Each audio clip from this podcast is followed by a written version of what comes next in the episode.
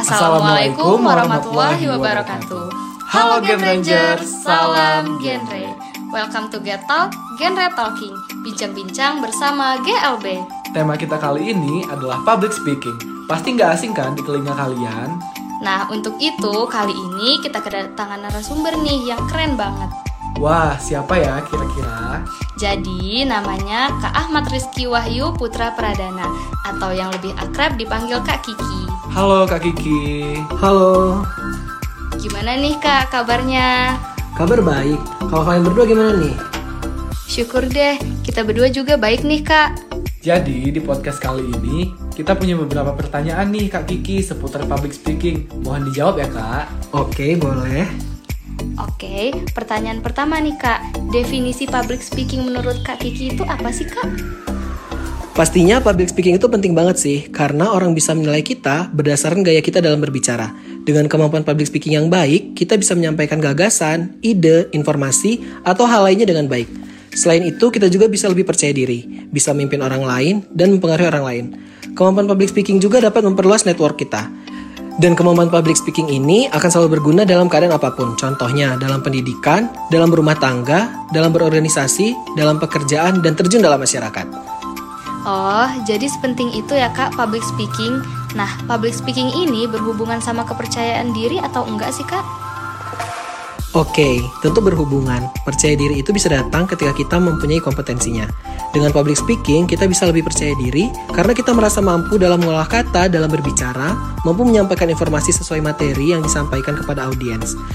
Dan audiens pun mampu memahami materi yang kita sampaikan dengan baik. Bener sih Kak, bener banget. Oh iya nih Kak, gimana sih Kak tahapan-tahapan untuk melatih public speaking? Hmm, tahapannya ya? Oke, jadi tahapannya yang pertama itu kita harus kuasai materi. Saat kita berbicara di depan umum, pastikan kita menguasai materi yang akan kita bahas. Karena kalau kita nggak menguasai materi nih, kita sama aja kayak mempermaluin diri kita sendiri. Kedua, kita menggunakan bahasa yang mudah dipahami. Menggunakan bahasa yang mudah dipahami tidak hanya berguna untuk diri kita sendiri atau pembicara, tapi berguna untuk audiens karena audiens akan lebih mengerti tentang apa yang kita katakan. Ketiga, pasti pada udah sering dengar nih. Biasanya kalau kita mau berbicara di depan orang, kita pasti bakal berlatih di depan cermin. Dengan berlatih di depan cermin, kita akan melihat diri kita sendiri berbicara di mana kita akan tahu nih kesalahan-kesalahan kita saat berbicara.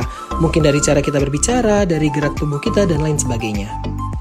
Yang keempat, gunakan seni bicara. Saat bicara, kamu harus tahu nih tempat di mana tempo saat kamu santai, cepat, lembut, keras, dan berhenti sejenak. Itu akan membuat para pendengar lebih senang mendengar materi yang kita sampaikan. Yang terakhir, gunakan bahasa tubuh. Menggerakkan tubuh dapat membuat kita lebih rileks dan rasa gugup pun sedikit bisa menghilang. Menggunakan bahasa tubuh juga memberikan kesan pada pendengar bahwa kamu tidak hanya menghafal, tapi juga memberikan pemahaman dengan baik. Wah, lengkap banget ya tahapan-tahapan yang dikasih sama Kak Kiki. Oke, mungkin ini pertanyaan terakhir nih Kak.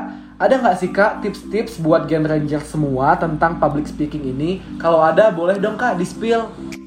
Oke, ada nih.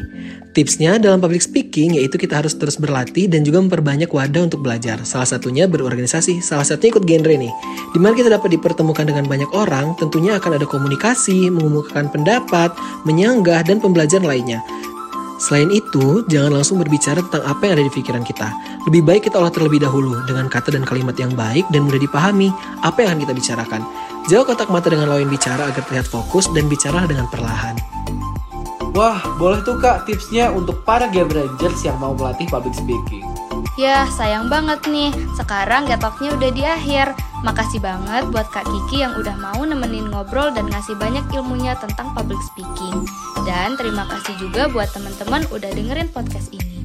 Semoga kita bisa ketemu lagi di podcast selanjutnya. Wassalamualaikum warahmatullahi wabarakatuh. Salam genre. Bye Gen Rangers.